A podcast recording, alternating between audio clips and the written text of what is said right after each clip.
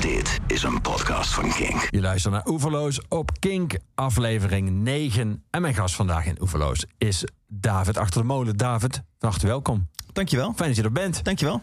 We kennen jou van John Coffee, maar we kennen je nu ook van Beach Dog, je nieuwe band. We kennen je als podcastmaker. En eh, eh, nou ja, volgens mij doe jij van alles. Ja. Maar dit zijn wel volgens mij, als ik het zo samenvat, de dingen die Ja, het meeste van je tijd in beslag nemen. ja podcastmaker en muzikant zeg ik altijd. Ja. Ja. Ja. In die volgorde ook? Ehm, dat is wel de eerlijke volgorde. Ik zou liever muzikant en podcastmaker zeggen. Maar eh, nee, ja, inderdaad. Ja, wij stopten vijf jaar geleden met John Coffee. Waar ik, waar ik echt fulltime... eh, dan noemde ik mezelf echt wel fulltime muzikant. Ehm, en eh, toen had ik een soort ideaal beeld in mijn hoofd. Ik dacht, nou, ik ga binnen nu in een paar jaar wel weer een beentje beginnen. En dan zou het heel vet zijn als ik in de tussentijd al een paar dagen per week mijn geld kan verdienen met podcast maken. En dan voor de rest gewoon lekker op het podium staan. Dan kan ik, en dan heb ik daarnaast drie, vier vrije dagen. Maar, dus dat was soort van het, het ideaalbeeld. Dus dat is wat ik nu. En dus nu sinds kort weer een beetje begonnen. En dat is dan nu een beetje de verdeling. Alleen er zit eh, eerder vier dagen, vier dagen podcast en één dag muziek. Zo is Ja. het een beetje. Een Ja, beetje. dat gaat de komende weken wel veranderen. Want jullie gaan met Beach Dog best wel een korte tour doen. Ja. Ehm, laten we even meteen beginnen met, eh, met jullie laatste nummer. Met Ja. jullie laatste single, met Good Morning. Yes.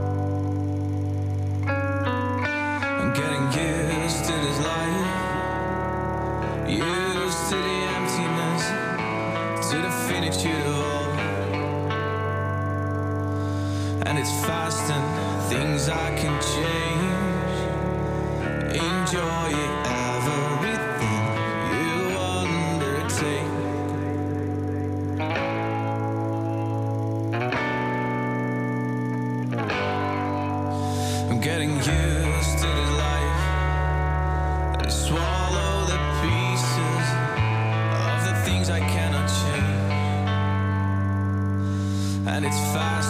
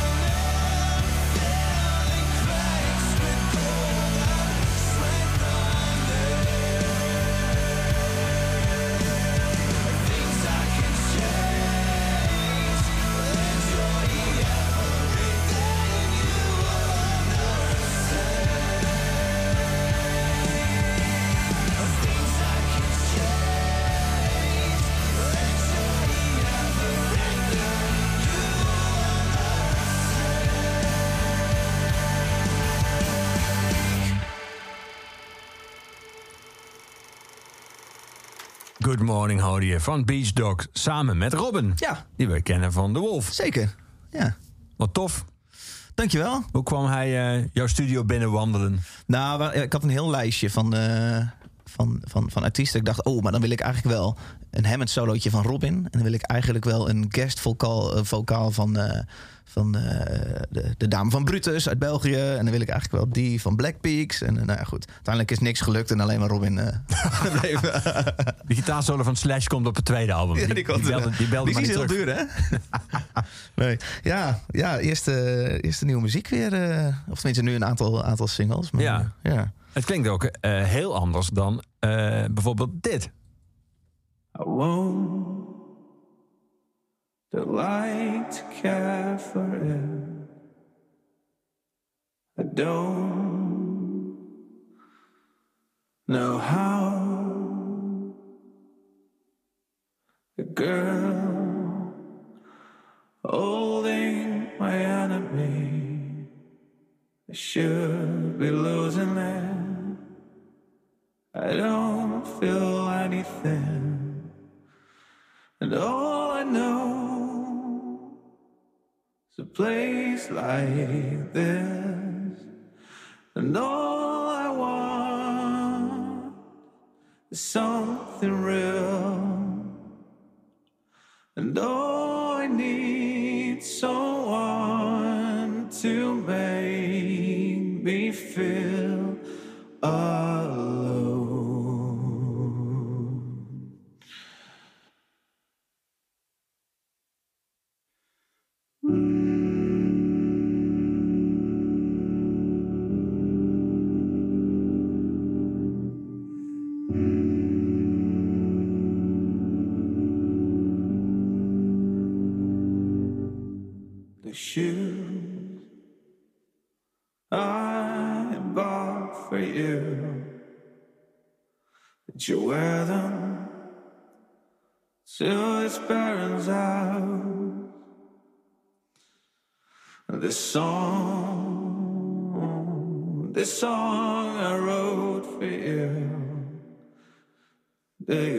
listen when he's not around?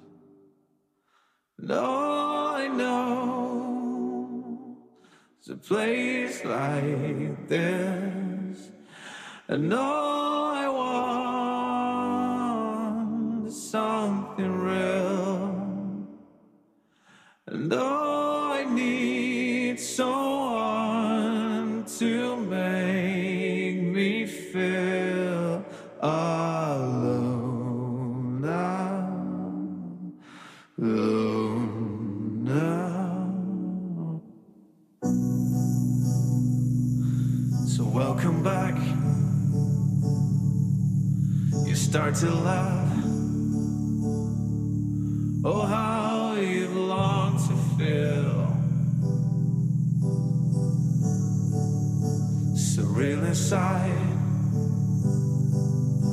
The really sad. You feel alive, alive. And all I knew was a place like this. And all I wanted was something real. And oh,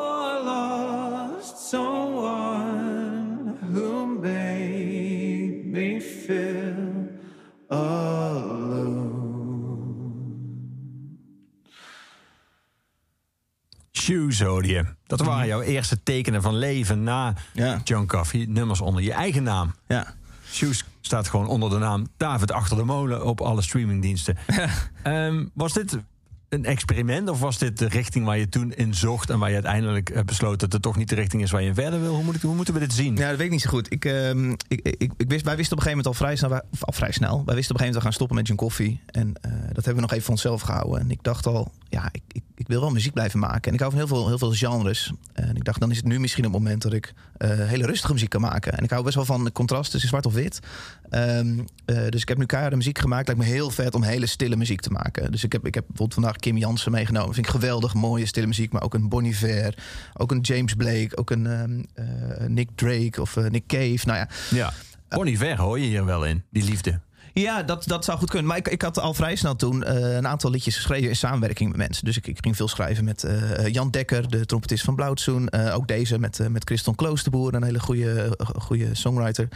Ehm, en dat liet ik eh, zo een beetje aan het einde van zijn koffie in de Melkweg. Een van de laatste shows liet ik dat horen aan wat, wat businessmensen. eh, onze, onze platenbaas Arnoud, eh, onze boeker. En die waren, was een beetje gemixte reacties. Dus ik dacht, nou, ik weet niet of ik dat wel uit moet brengen. En, zo bleef ik eigenlijk in de jaren na de koffie liedjes maken. Dus ik denk dat ik wel tien van deze, dit soort tracks heb. Maar telkens een beetje die angst. Ja, en, en eigenlijk werd die drempel om het uit te gaan brengen steeds hoger. En ik dacht ook, ja, op een gegeven moment verwachten mensen misschien dat ik, dat ik iets heel goed kan of zo. Dit, is ook dit is een puur een gevecht dat in je eigen hoofd bestaat hoor. Daarin maak je jezelf ook veel groter dan je bent.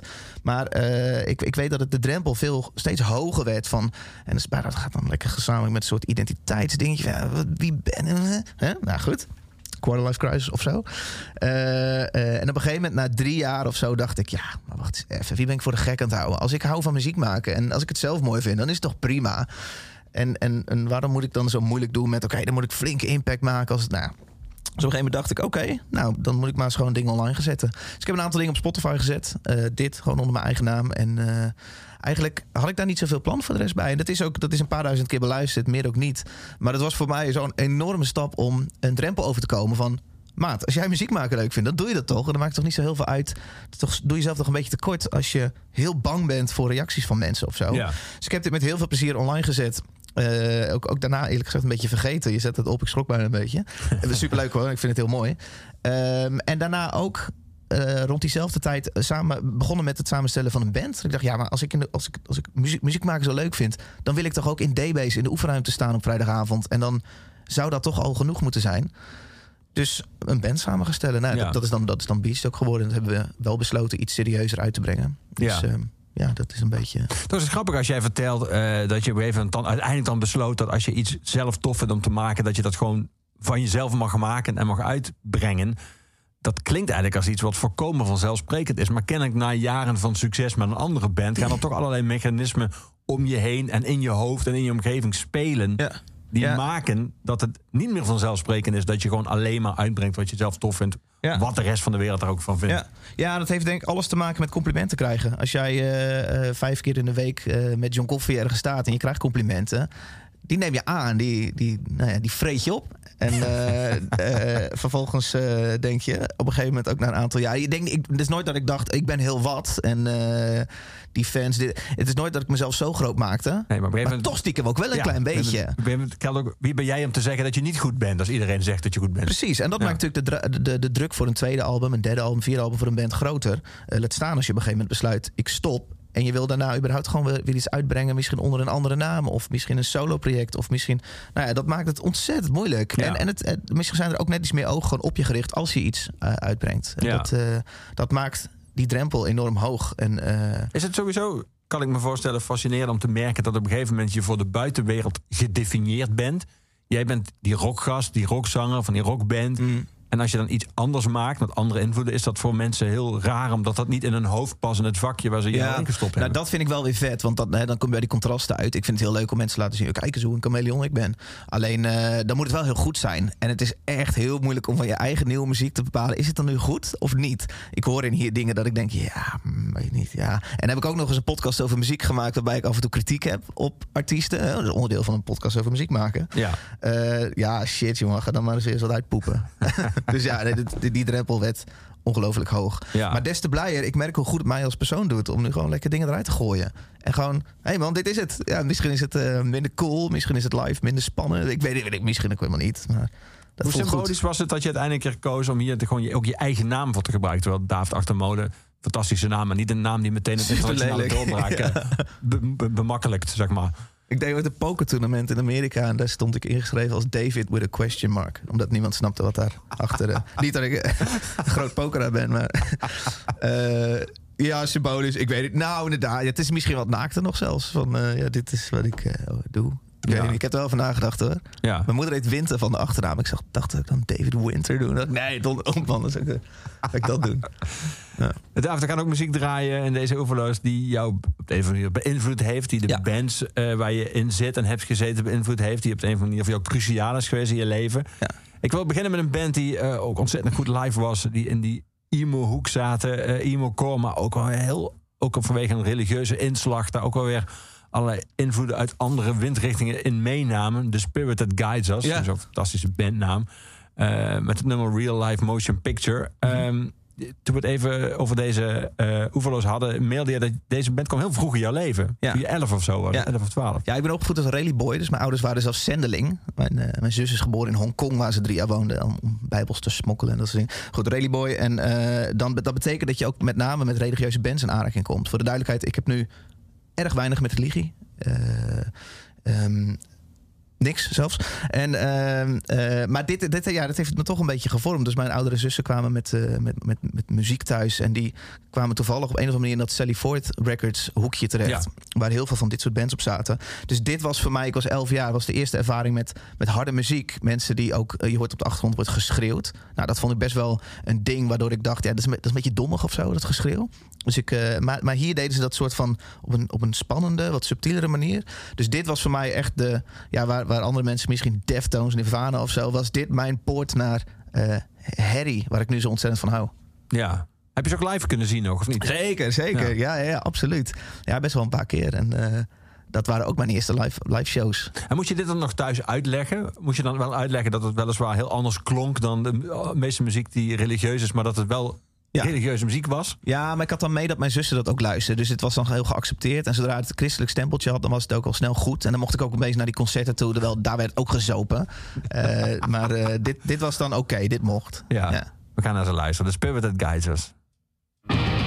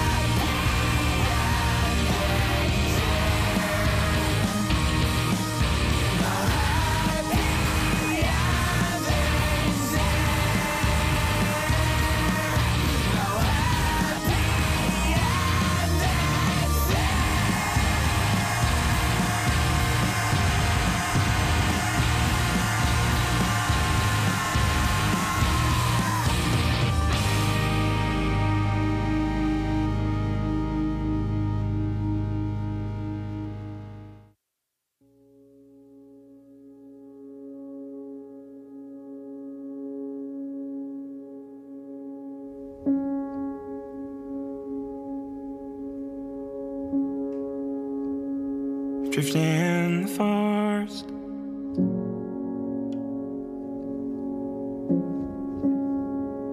Swirl like the snow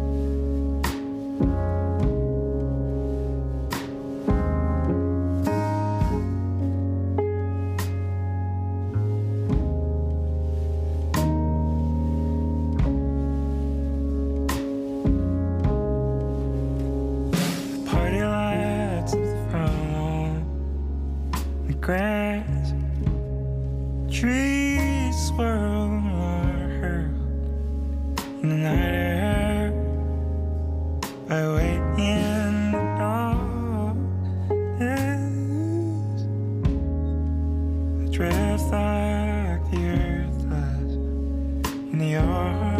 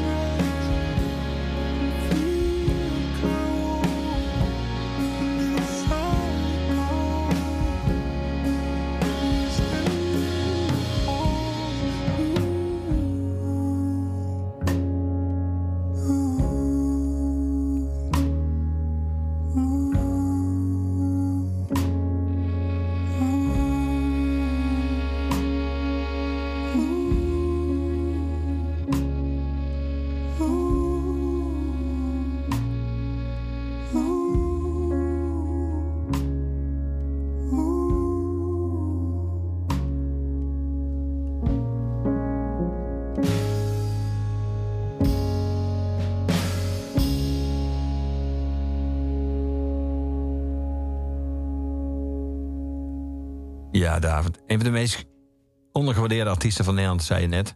Ja. Kim Jansen. Kim Jansen. Ja, Utrechter. Ehm, ja, ik, ik snap niet dat die jongen niet grootser, eh, grootser opgepakt wordt. Hij heeft een plaat uitgebracht, volgens mij vorig jaar of jaar ervoor. Nee, dat zal wel drie jaar geleden zijn. En ik was bij die Lowland Show en daar stond echt... in die tent stonden, stonden 100 mensen of 200 mensen... dat er echt wel meer in kon. Ehm, eh, hij, heeft in Spotify wel in de juiste playlist gestaan... waardoor hij best wel wat streams heeft. Maar eh, ik denk dat je in Nederland... dat niet heel veel mensen de naam Kim Jansen... bij het grote publiek eh, zullen kennen. En daar verbaas ik me wel eens over. Ik vind het zo ontzettend mooi. En het is zo... Het is, ik hou zo van die stille muziek. eh, wat ook een Bon Iver doet. Of eh, Ja. dat hele rijtje wat ik net noemde. Dus ehm, Snap ik hou er inmiddels na al jouw jaren in de muziek... en ook een podcast maken over muziek en zelf muzikant... snap jij überhaupt iets van het mechanisme van eh, wanneer iets succes krijgt en wat niet? Of kan Ja, nou, ik maak nu, ik Klap van de Molen ben ik mee gestopt. Ik maak een nieuwe podcast met ook iemand van Klap van de Molen en eh Jamai Lohman. En die, die podcast heet De Super Top 10. En we bespreken elke maand de 10 populairste liedjes van Nederland. Het is verschrikkelijk ordinair en het, is, het, is, het, is, het heeft allemaal het rampentampen sfeertje. En eh, het is heel vaak Chris Cross As- Amsterdam of Suzanne en Freek. Ja, ik snap dat heel goed, want dat is gewoon ontzettend simpel, ontzettend commercieel. Het gaat altijd over thema's waar je heel makkelijk aan kan relativeren. Eh, de metaforen moeten niet te ver gezocht zijn. Ja, de- al die dingen is Kim Jans natuurlijk niet. Dus Nee. ik, ik, snap, ik snap zeker wel. eh, je moet het na één keer mee kunnen fluiten. En dat is bij dit soort muziek niet het, eh, het geval. Het stemt jou dat droevig, de snollebolletjesering van Nederland? Of, of, denk, of denk je, nou, zoals het altijd geweest... is gewoon een groot publiek voor makkelijke dingen... en een klein publiek voor moeilijke dingen. En, Ja, nee, dat zal niet van de laatste tijd zijn inderdaad. En dat zal met alle kunst in de afgelopen honderden jaren altijd zo zijn geweest. Stemmen dat droevig? Mm, nou, een beetje. Nee, niet heel erg. Alleen, ik, nou, bijvoorbeeld die, die eh, Super Top 10 gisteren opgenomen. En ik zag een, op nummer 8 zag ik een liedje staan van, eh, eh, Ronnie Flex. Nou, een hele rij namen. En dat liedje heette OK Shorty. En toen dacht ik, oh vet. Dit zijn allemaal mensen die rond Leel Klein hebben gestaan. En ze gaan nu gewoon een statement maken in dat nummer. Het wordt, wordt een soort slimme van... hey gast, nu is het klaar, Lil Shorty. Ik zet dat liedje aan, was helemaal niet het geval. Het was echt een enorm slap kutnummer. Dus dan, toen dacht ik, wel, oh shit, ja nee, wat, wat dacht ik ook? Alsof er nu een soort hele vette...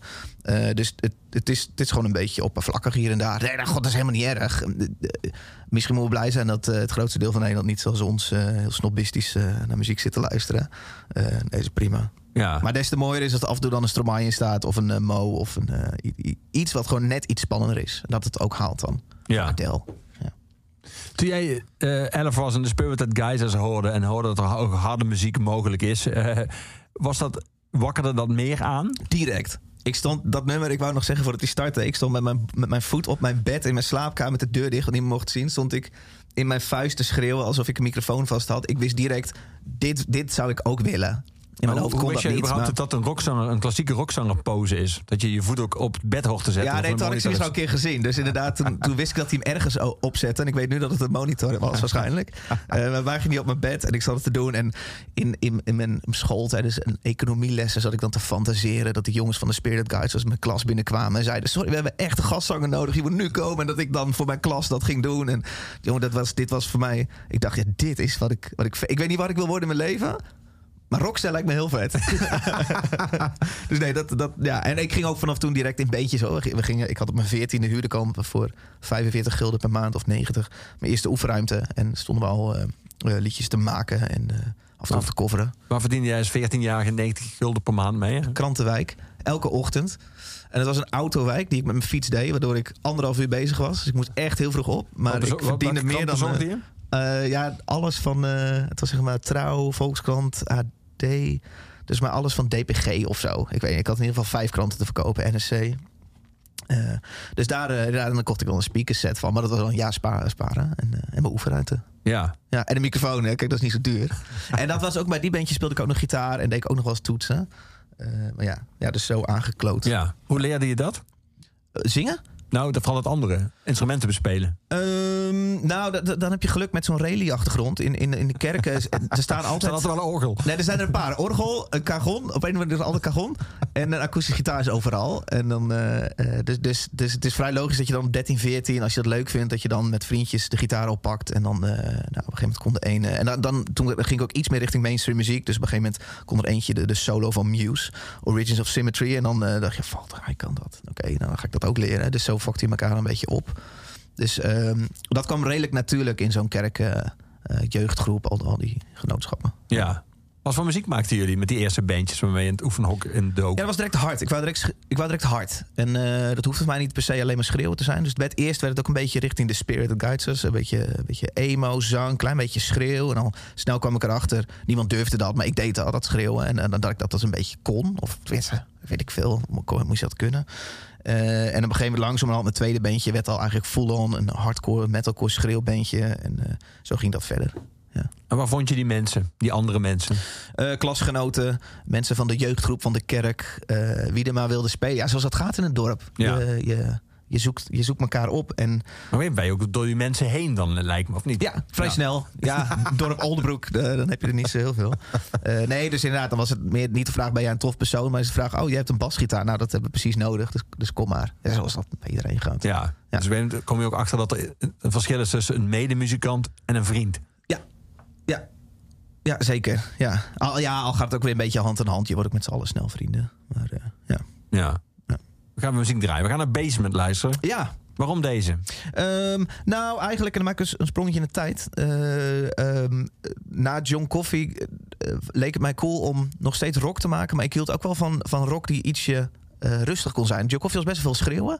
En ik vind het best wel cool als je je stem in schreeuwmodus zet... bewaart tot een paar hoogtepunten een nummer. Zodat een nummer gewoon wat meer dynamiek krijgt. Dus dat hoor ik hier bij Basement. Je hoort best wel veel gewoon gezongen. Best wel toegankelijk. Ehm, en dan op momenten dat het het doet... hoor je die zanger gewoon iets meer over zijn nek gaan... en alle muziek wat intenser worden. En dat leek mij cool voor Beach Dog. Ook gewoon iets meer eh, nuance. En het is ook leuk om te laten horen van... Hey, ik, kan ook, ik kan ook zingen. Ja. Dus, ja, dat. When I'm with you, I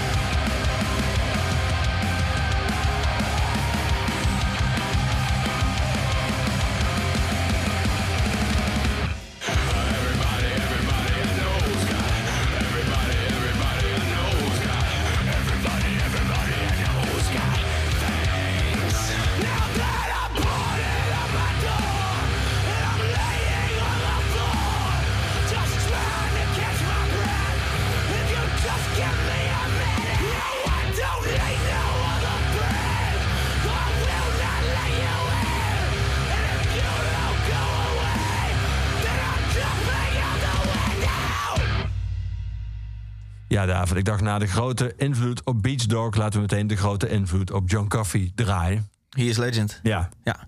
Ja. Ja, er zijn, deze band in jouw leven? nou, er zijn veel invloeden van G. Coffee, hoor, maar dit was echt wel een hele, hele grote ook. Ehm, nou ja, dan kom ik toch bij dat christelijke wereldje uit. Ik denk dat- dat ik dit keer op mijn 14e, 15e live heb gezien. En eh, eh, ik vond dit toen vooral vet vanwege een aantal nummers die wat harder waren dan deze. Eh, en toen kwam bij G. Coffee en toen bleken de jongens dit ook veel te luisteren. En juist wat platen die wat zachter waren. Nou goed, waaronder dit nummer. Dit is dus iets, iets, ietsje zachter dan wat ik toen van ze kende.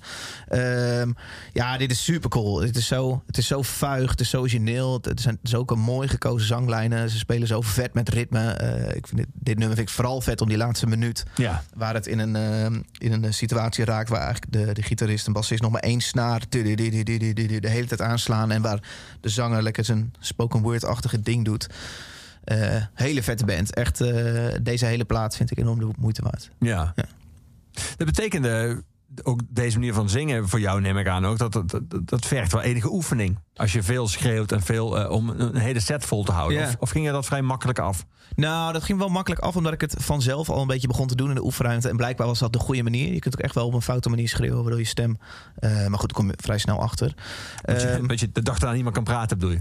ja, al heb je dat ook wel. Als ik dit, zeg maar, mijn eerste show van Beachdog, had ik de volgende dag ook last van mijn stem. Eh, het is wel een soort spier die je moet trainen. Dus ik, ik merkte met John Coffee ook, als we, als we veel tours achter elkaar hadden, dan was ik super sterk. En dan kon ik ook echt wel.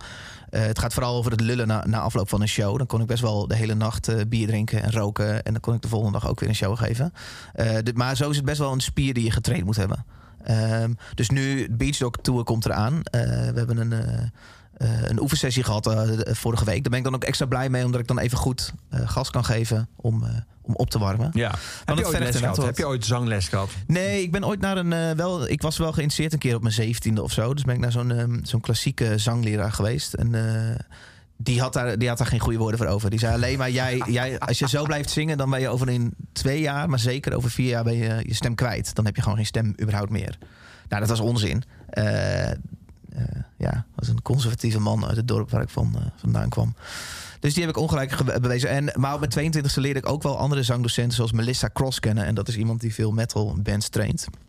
Eh, die, een, eh, die een techniek aanleert. Dus zo heb ik de term vocal fry geleerd. Dus dat is een bepaalde manier hoe je eh, goed schreeuwt. Valt dat aan een leek uit te leggen? Jawel. Nou, hoe het klinkt is... zij maakt altijd de, de vergelijking met Elmer Fudd van de Looney Tunes. Elmer Fudd, geloof ik. En die praat... Very quiet now, I'm hunting rabbits. Die, ik weet niet of je dit zegt. Dat, dat is vocal fryen. En dat kun je ook harder doen. En dan wordt het... eh, nou, dan wordt het schreeuwen. Ja, dit klinkt heel lelijk. Eh, Het grappige is, als je dat eerste doet, dan doe ik denken die verschrikkelijke kraakstem... waar heel veel Amerikaanse vrouwen mee praten. Ja, En- nou, nee, dat is vocal fryen. Ja, Ja. Die, die Amerikaanse vrouwen die, doen, die kunnen allemaal heel goed schreeuwen, denk ik ook. Dat doen ze verder rest niet. niet vaak. Eh, in een gesprek eh, is het echt afschuwelijk. Eh, Verschrikkelijk. Ja. Ja. Ja. goed. Maar dat is de basis van de, van de techniek om goed te schreeuwen. Eh, bij mij komt er vaak op neer dat ik gewoon zing. En dat ik steeds hoger zing. En dat ik op een gegeven moment op een hoogte kom dat ik het er niet meer bij kan. En dan ehm, eh, slaat mijn stem om naar schreeuwen. En dat randje is heel interessant, maar is ook het zwaarst. Dus, maar dat vind ik, dat is wat ik met Joe Coffee ook zoveel mogelijk gebruik. Ook met Beach Dog. Dus heel vaak gewoon te hoog zingen. Ja, En dan je borststem wel willen bewaren. Dus dan ga je een beetje schreeuwen. ja. Ja. Dit speelde veel hè, met John Coffey. Op een gegeven moment. Ja, we hebben heel veel gespeeld. Ja, dat was echt iets. eh, ja, op een gegeven moment waren we gewoon fulltime bezig. Volgens mij hebben we het, laat, de, het ene laatste jaar hebben we 130, 140 shows gedaan. Nou, dat is gewoon heel erg veel. Ja, je gewoon Ja, waarvan- dagen. En wat het zo pittig maken is, is, het was gewoon heel veel buitenland ook. En ook in landen waar we niet per se eh, geld overhielden aan het eind van de tour. Dus dan hadden we heel veel in Nederland gespeeld en in België en in Duitsland. En dan gingen we daarna naar Engeland. En dan deden we een toilet circuit-achtig eh, toertje waar je dan... eh, ja, waar gewoon ru- rustig een paar duizend euro bij moest om bushuur te betalen, je slaapplekken, eh, dat. Maar we gingen ook naar landen als Rusland, op een gegeven moment in Amerika wat shows gedaan. En ook in Europa landen waar het niet automatisch heel hard liep. Dus dingen als Tsjechië. eh, nou goed, ook al gingen we in die landen, hoe vaker we er kwamen, hoe beter dat ook ging. Maar we echt super Wat was het idee daarachter? Is het idee dat je gewoon overal wil spelen? Of, of, eh, en dat het gewoon tof is om in Engeland een tour te doen? Mhm. Eh, of is, was het idee echt van investeren en dan als Ja. van, oh, uiteindelijk gaan we hier ooit wel Ja. genoeg mensen trekken om geld te verdienen? Ja, nou, verschilde een beetje per land. Maar iets als Engeland wilden we gewoon investeren, inderdaad. Eh, iets als Rusland vonden we gewoon. Nou, nee, daar kwam gewoon vooral heel veel vraag. Dus er kwamen, er kwamen vragen van fans al een aantal jaren. En op een gegeven moment echt een aanbod van. Nou, je kunt een aantal shows doen. Willen jullie dat? Ehm, en eh, ja, andere Europese landen ook. En dat investeren werkt ook gewoon. In Duitsland begonnen wij eh, in, eh, in, in sommige, sommige steden. stonden we gewoon gewoon voor, voor 10 man of 20 man. En vijf jaar later, zeg maar, dan kom je daar steeds vaker terug. En dan zie je dat gewoon, als die shows vet waren, zie je dat gewoon exponentieel groeien. Ja. En, Dat is eh, bijna de ouderwetse, ik zou, bijna een soort van romantische beeld. Van, je, je, speelt heel goed, desnoods voor die, voor, die, voor Ja. die tien man. En dan vond ik, dan nemen die ook een vrienden mee en die ook een vrienden. ja. Het grappige is dat ik best wel vaak in analyses van de muziekindustrie lees... dat dat de manier is die eigenlijk niet meer werkt. Of dat dat soort van, dat was ooit zo... maar inmiddels zijn er andere middelen voor gekomen. En eh, mensen zijn veel vluchtiger. En Ja. jij hebt eigenlijk ervaren dat dat nog steeds zo kan. Dus. Ja, absoluut. Ja, ja, ik wou wel er gewoon af en toe dat het anders was. Dat ik dacht, oh ja, ik wou dat John Coffee misschien wat, wat, wat, wat harder op Spotify werd beluisterd. En dat mensen, dat je een keer naar een stad komt en dat er automatisch 500 man staat of zo. En eh, eh, in een land als Rusland hadden we het ook wel. Daar zijn we dus maar één keer geweest. En daar stonden direct 200, 300 man eh, voor ons neus bij een show. ja. Maar eh, in andere landen helaas hebben we daar eh, gewoon... voorlopig niet meer komen, vrees ik. Met Nee, dat denk ik ook niet. Nee. Ehm, maar ehm, ja, het, het, het, het loonde wel. En onze laatste tour in Duitsland verkochten we echt zalen uit. En ook, ook best wel fatsoenlijke zalen van 500 man. Dus dat, dat, dat, ja, dat, dat werkt dus wel. Het is alleen, het kost fucking veel energie. Want gaan we eens uitrekenen hoeveel uur per dag je dan kwijt bent aan, aan een optreden. En wat je dan terugverdient ongeveer. Maar goed, ja, dat, zo leuk vonden we het ook gewoon. Ja. In een tourbusje zitten met je maten. Gewoon 24-7. Ja. Ja. Weet je achteraf dat jullie eh, op het goede moment gestopt zijn? In mijn beleving zijn jullie eigenlijk een soort van op je hoogtepunt gestopt. Zijn jullie gestopt voordat het minder werd? Wat natuurlijk onvermijdelijk is bij bands. En daarna kan het ook alweer groter worden. Maar je hebt natuurlijk van die golfbewegingen. Voor mijn gevoel zijn jullie een soort van ongeveer bij je piek ook gestopt. Ja. Nou, we zijn eh, voorop staat dat we echt precies op het moment zijn gestopt dat we dat perfect was voor onszelf. Want we vonden het gewoon. We dachten gewoon, ja, gaan we, gaan we nu een nieuwe plaat maken? En we zeiden echt unaniem, nee. Nee, we waren misschien een klein beetje verzadigd van eh, nee, dit, dit was super tof. En laten we vooral een plaat gaan maken als we daar heel veel zin in hebben. En dat is nu niet het moment. En dan was het van oké, gaan we dan een sabbatical nemen, een jaartje tussenuit. Nee, dat voelt ook niet echt als John Coffee. Nee, dan is het gewoon klaar. Dus we hebben daar een term voor gevonden. Wat was het nou ook weer? Inde- indefinite hiatus. Eh, en, ehm, eh, maar toen dachten we, ja, laten we, dan is er een goede kans dat je misschien nooit meer het gevoel krijgt, laten we een plaat maken. Dus dacht- dachten we, laten we wel dit met een fatsoenlijke afscheidstour doen. Dus we hebben nog ontzettend veel eh, shows toen gespeeld, buitenland, Nederland. Ehm, en eh, nee, dat, dat voelde goed. En dat voelde ook heel, heel slecht. Eh, want je gooit ook iets weg. Je gooit, het is ook een beetje dom. Je gooit zelfs een verdienmodel weg. En een verdienmodel ondertussen voor best wel een aantal mensen. Omdat het best wel crew. Op een gegeven moment met tien man standend op pad. Ehm, dus, ehm, eh, en ik heb ook wel eens een jaar later gedacht van... Wie ben ik nou zonder die band? Tegelijkertijd, ja, ik kan nu een heel filosofisch verhaal behouden... waarom ik denk dat het goed is voor een persoon, voor een mens... om dat maar eens allemaal kwijt te raken. En te kijken wie er dan nog overblijft. Maar ehm, het, het, het- het dubbele gevoelens. Maar Ja. tegelijkertijd, het voelde vooral heel puur om te doen. Gewoon heel eerlijk, naar onszelf. Van, eh, nee, want ik me, ik kan me echt herinneren... er waren een aantal hele grote shows bij... waar ik gewoon dacht, oké, cool, dat was er weer eentje. En dat is niet hoe we, hoe we deze band zijn begonnen. We, we hebben het echt vanuit passie gedaan. En eh, nou, ik wil, ik wil dat gevoel, misschien kun je dat helemaal niet vragen, maar ik wil dat gevoel hebben van dat jongetje die op die, met dat been op, op bed staat, Ja. staat te schreeuwen. Van dit vind ik zo fucking vet. En onvermijdelijk misschien hoor, maar als je er eh, als je z- vijf, zes shows per week doet, dan, dan op een gegeven moment wo- wordt dat gevoel wat minder. Ja. En, eh, misschien moeten we wachten tot het weer komt. Ja. Nou, ik vraag me af, nu je dat zit te vertellen, of dat uiteindelijk erg is. Ik kan me voorstellen dat het erg is als dat gevoel nooit meer terugkomt. Maar dat het af en toe even je ontglipt. En dat op een maandagavond bij een, een, een zaal dat even er niet is. Dat dat gewoon kan gebeuren. Als het Ja. dan maar op vrijdagavond dan de week daarna wel weer een keer is. Ja, dus dan ga je vijf van de tien shows een beetje, beetje acteren. Ja, dan is het gewoon je werk. Ja, ja. Nee, ja, inderdaad, zo kun je het, zo kun je het zien. Ja, ja. ja en, en, en dat is misschien een hele, ehm, helemaal niet zo'n erge concessie om te, te moeten maken. Dus eh, dat, dat, dat kan inderdaad. Ja. Maar Ik, zit nu, ik zit nu, jij dit zegt, te denken van ja, acteren. Wil, eh, als je acteert dat je het leuk vindt, dat is iets anders. Maar als je er gewoon van geniet en het tof vindt om te doen en graag zingt, maar je hebt niet meer dat gevoel terug van dat 14 jaar of de 11-jarige jongetje met zijn. Mhm. Ja, dat 11-jarige jongetje zit natuurlijk nog ergens in jou, maar je bent niet meer dat 11-jarige Ja. jongetje. Op zichzelf is het logisch dat dat. Ja, nee, ja, goed, goed. Ik weet niet of ik, eh, eh, als ik nu in diezelfde situatie had gezeten, omdat ik, of ik dat weer had gedaan. Misschien had ik wel gezegd, joh, nee, eh, doen we een tussenjaartje en dan hebben we weer wat, wat meer energie of zo. Dat zou kunnen.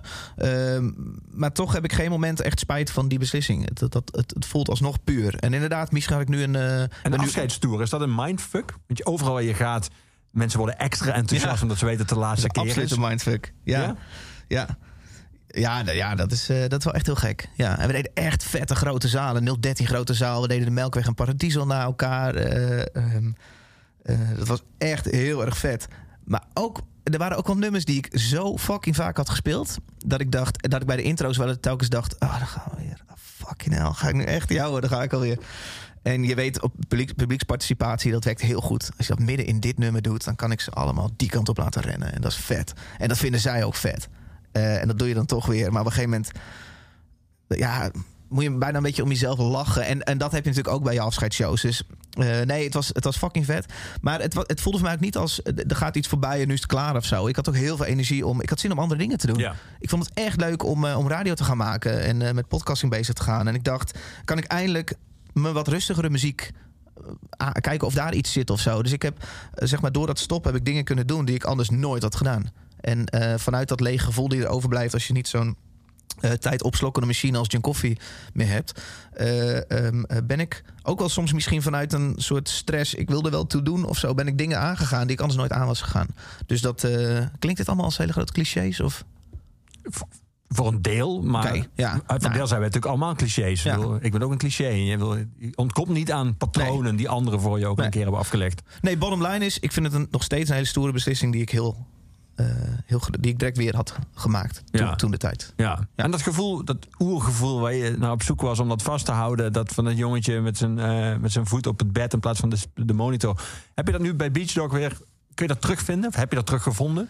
Ehm, ja, s- eh, ja, ja. ehm, ik, ik was allereerst was ik wel heel zenuwachtig. Ik heb de dag voor de eerste show, dat heb ik helemaal niet verteld aan de andere jongens van Beach Dog, maar heb ik bijna, dacht ik bijna, oké, ik kan deze en deze smoes morgen inzetten. Dan hoef ik, dan Corona. gaat het niet door. Corona, Ja, buikpijn, weet ik veel wat. En, Met een eh, rode stift had je het streepje op, het, op de test gezet. Ja, nee, maar ik was, ik was zo. Ik belde mijn vriendin en ik zei echt: ik fucking hell, ik durf, ik durf het niet. Want ja, mensen verwachten iets van jou als een rock, met, met een rockbeentje. En dan stond ik daar met hele nieuwe gasten. Dat was mijn. peri- Ik had het opgetuigd en zo. En, eh, en toen stond ik daar en toen begon de show.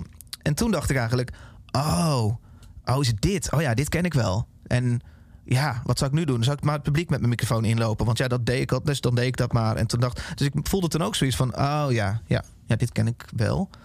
Ehm, en toen begon ik het eigenlijk ook weer heel leuk te vinden. En was ik ook weer heel voldaan afloop. En, eh, dus eh, het was een storm aan dramatiek in mij.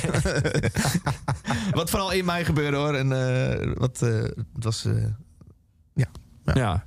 ja, ik snap het wel. Ja. We gaan muziek draaien, David. We gaan luisteren naar Nick Cave. Ah ja. Die prachtige, zeer intense plaat, Skeleton Tree. het nummer Jesus Alone. Waarom deze? Ehm, ik hou heel erg van hele donkere muziek. Nou ja, dan eh, heb je wel... Dan heb je de donkerste wijn Cave plaat wel gevonden, Ja.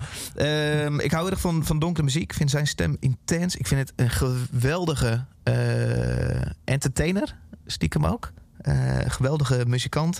En ik weet, deze plaat heeft zoveel indruk op mij gemaakt. Hij, ehm, hij verloor in het kort, en ik, ik weet niet eens alle details precies goed. Hij verloor zijn zoon. Die was van een klif afgevallen. Waarschijnlijk onder invloed van drugs. Nou ja, dood. En eh, ik las dat. En het is al een artiest die heel veel hele donkere muziek maakt. Dus ik dacht, nou, dan gaan we nu in ieder geval een aantal jaar niks meer van Nick eh, Cave horen. En toen kwam daar volgens mij een half jaar later, kwam daar opeens een plaat. En dan denk je, oké, woe, gaat hij het adressen? Gaat hij het, eh, gaat, hij het benoemen of zo?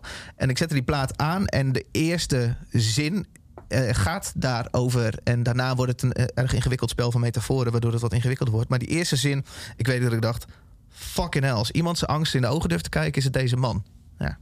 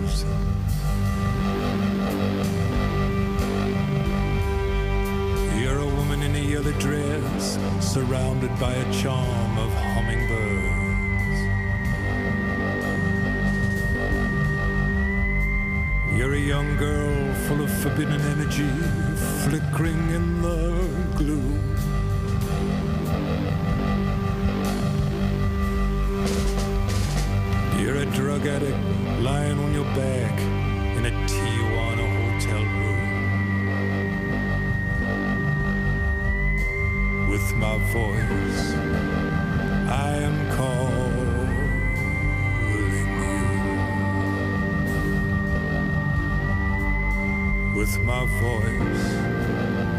I am calling you.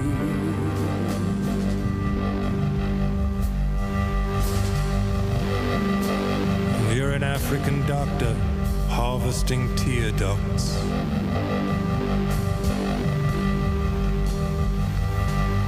You believe in God, but you get no special dispensation for this belief now.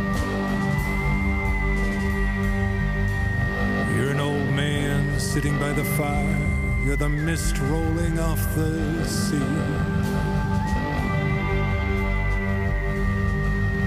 You're a distant memory in the mind of your creator, don't you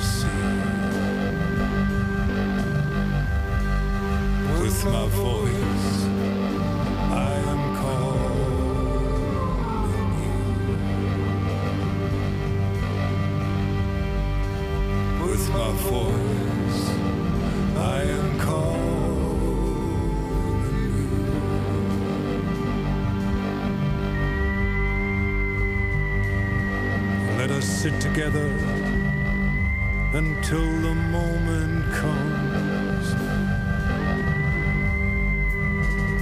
with my voice.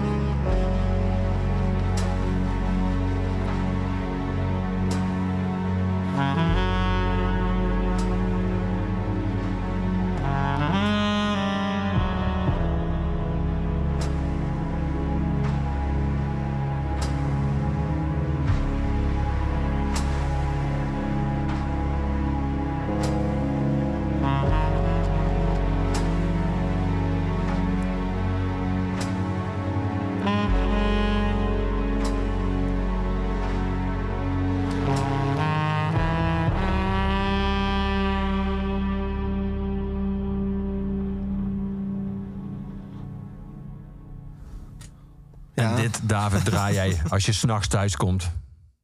Ja, nou ja, ik heb nog maar drie shows met Beach ook gedaan, want de rest is allemaal afgelast. En eh, op een of andere manier heb ik er een gewoonte van gemaakt om die, telkens als ik dan thuis kwam, dan eh, dit op te zetten en nog een lekker biertje in de koelkast te hebben staan. Dus dan kon ik al uitkijken. Jouw ritueel na de show. Ja, ja, een klein beetje wel. ik, vind, ik hou wel van rituelen, dus dat, dat werd mijn ritueel. En waar luisteren we naar? Hoe heet deze Boren op formatie? de Club of Gore. Het is een Duitse, een Duitse eh, trio.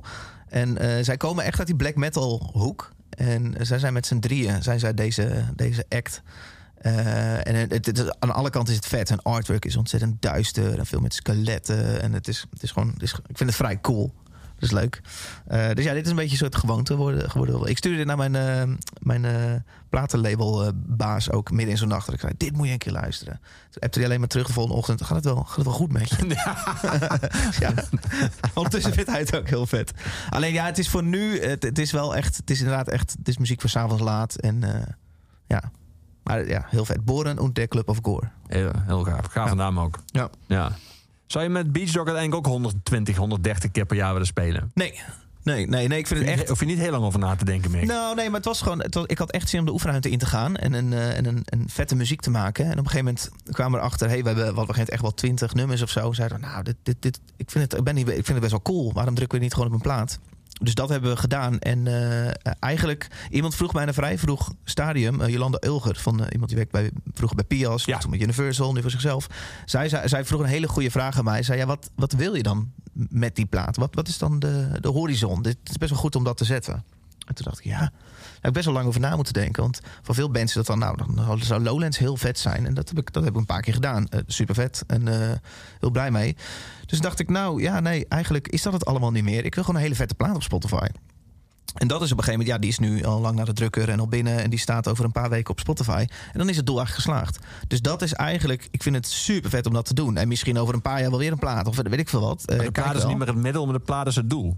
Die plaat is voor mij het doel geworden. En, eh, en dat, ik ben daar echt heel erg trots op die plaat. Ik vind hem echt heel erg vet. Eh, dat is een beetje gek om zo enthousiast over je eigen muziek te doen. Maar ik ben er gewoon wel trots op. Nou, het zou nog het zou raar zijn als je Ja, zegt, ik, ik heb Ja. gehoord, ik vind een vrij matige plaat, maar breng het Ja. toch maar uit. Ja, maar goed, en dan, eh, wij gingen bij Snowstar Records, eh Cedric Mares, een, een hele goede, heel goed platenlabel. En, en ja, logisch, die zegt ook, ja, dan, dan willen we je ook zien spelen ermee. Dus ik zei, oké, ja, de fuck, dat is ook wel cool, ook wel spannend, maar cool. Dus zo gaan we nu een show of twintig doen. En dat vind ik voor nu ook wel gewoon, dat vind ik heel leuk, maar misschien ook wel even goed. En ik kan me voorstellen dat ik na twintig shows denk, nou, dat was super vet, maar... eh, prima zo. Ik kan me ook voorstellen dat ik na 20 shows zeg... nou, kom nu maar op. Nu, eh, nu, ik heb de smaak helemaal niet te pakken. Ik weet het niet. Dus eh, voor nu is het... nou, nu komen er negen clubshows aan. Er komen een aantal festivals aan. En ik, ik kijk wel daarna. Ja. Dat gemak leg ik mijzelf op. Dat is voor hun niet het allerleukste. Want zij willen natuurlijk horen... de volgende plaat is al aan de maak. En, eh, maar nee, ik, eh, ik ga dat even zien. Ja. Ja, maar tot nu toe zijn de reacties superleuk. Dus, eh, maar ik wil dat niet het belangrijkste maken. Je had een tijd geleden al, voordat jullie begonnen, eh, oproepen gedaan op social media. Mm. Toen zocht je muzikanten. Ehm, hoe was dat, dat proces? Nou, weet je om hoe- mensen de studie eh, in, in een oefenhok te krijgen die een soort van auditie komen doen. Weet je hoe moeilijk het is om weer een beentje te beginnen? Mensen zien het volgens mij. eh, ik hoor best wel veel mensen om me heen dat dit een hele logische stap vinden. Want oh, tuurlijk kom jij weer met een nieuw rockbeentje. Maar weet je hoe moeilijk dat is als je. Want ik wat, heb. wat is vooral moeilijk? Nou, ik heb geen eh, klasgenoten meer. En ik heb, er is niet één jongen op het dorp die basgitaar speelt. Ik weet niet hoe, je, hoe dat begint. Dus eh, ik dacht, ja, dan ga ik dan nu eh, mensen vragen van bands die ik vet vind. Zou ik dat doen? Of ehm, dacht ik nou? Ja, misschien moet ik maar gewoon een oproepje ik koop de bassist weg van mijn favoriete Ja. band. Nee, dus ja, ik heb een oproepje gedaan. En ik ben in eerste instantie met een aantal gitaristen gaan zitten. En er kwam best wel wat reactie op. En eh, ik heb met drie, vier gitaristen gezeten. En met eentje klikte dat heel erg.